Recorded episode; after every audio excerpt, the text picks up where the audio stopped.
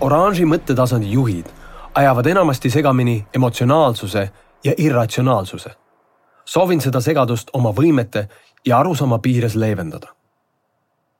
irratsionaalsus on stressi, ärevuse, depressiooni, paanika, ülemeelikuse, eufooria, eksistentsiaalse hirmu või ka muude ülevoolavate positiivsete ja negatiivsete emotsioonide tagajärjel tekkiv seisund, kus inimese otsmikusagarad või täpsemini öeldes prefrontaalkoor ehk see osa ajust, mis on seotud kalkuleeriva mõtlemise, otsustamise, planeerimise, impulsside kontrollimise, suhete ja empaatiaga, on ajutiselt halvatud mille tulemusena inimene teeb ja ütleb asju, mida pärast kahetseb. sellist käitumist nimetatakse irratsionaalseks ja seda on kogenud omal nahal kõik. ilmselt oleme me kõik vihaajendil öelnud midagi, mille pärast tuleb hiljem vabandust paluda ning paratamatult iseendale tunnistada, ma ei mõelnud, mida ütlesin.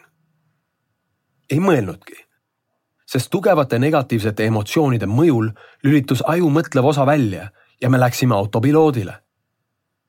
sama on sõltuvusega. tugeva emotsionaalse häirituse seisundis ei suuda inimene, kes on otsustanud maha jätta suitsetamise, porno vaatamise, joomise või magusa söömise, oma plaanile kindlaks jääda. ta käitub irratsionaalselt, sest tema selget mõistust toetav prefrontaalsagar on primitiivsematest ajusüsteemidest limbilisest ajust kaaperdatud. sama süsteemi alusel toimubki enamik kaklusi, salvamisi ja otstarbetu ostlemine või internetis surfamine. Mida suurem on inimese kurnatus, nälg, väsimus, stress või ärrituvus, seda väiksem on tema kontroll ja seda tugevamalt juhivad teda ihad. tema käitumine on siis valdavalt irratsionaalne näiteks on ülemuselt laita saanud töötaja sisemiselt niivõrd häiritud, et ei suuda enam valida sõnu ja salvab klienti või teeb elementaarse vea tööprotsessis.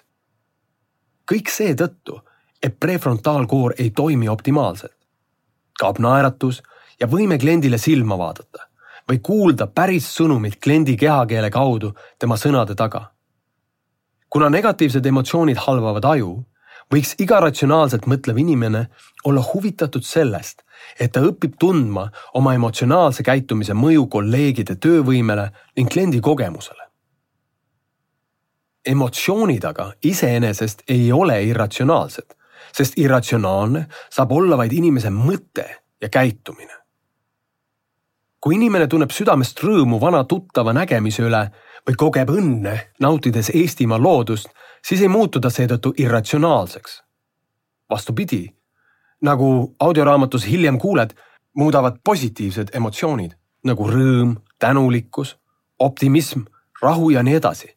aju prefrontaalkoore funktsionaalsemaks ning sellega kaasnevad funktsioonid, planeerimine, otsustamine, impulsside kontroll, suhtlus ja empaatia paranevad tihti teisisõnu võib öelda, et optimaalsel hulgal positiivseid emotsioone on tööedu, kvaliteedi ja produktiivsuse aluseks.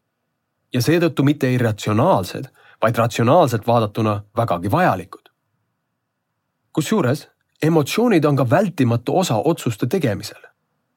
näiteks on teadlased tõestanud, et kui aju on saanud kahjustada kohast, mis vastutab emotsioonide eest, siis ei suuda inimene enam kahe asja vahel valida sest iga otsusega käib alati kaasas ka tunnetuslik element. võimatu on isegi otsustada, kas süüa kana või kala.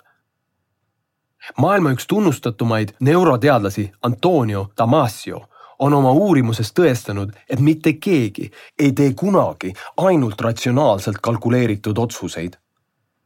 taaskord kui juhi emotsionaalne kriitika on tekitanud töötajas negatiivse emotsionaalse seisundi, mis kaaperdab prefrontaalsagara töö ja alandab töö kvaliteeti, siis juhi tunnustus ja tugi mõjub rahustavalt, innustavalt ja inspireerivalt, muutes biokeemilist seisu ajus ja töötaja seega võimekamaks. tunnustamine on seega neuro, mitte pehmoteadus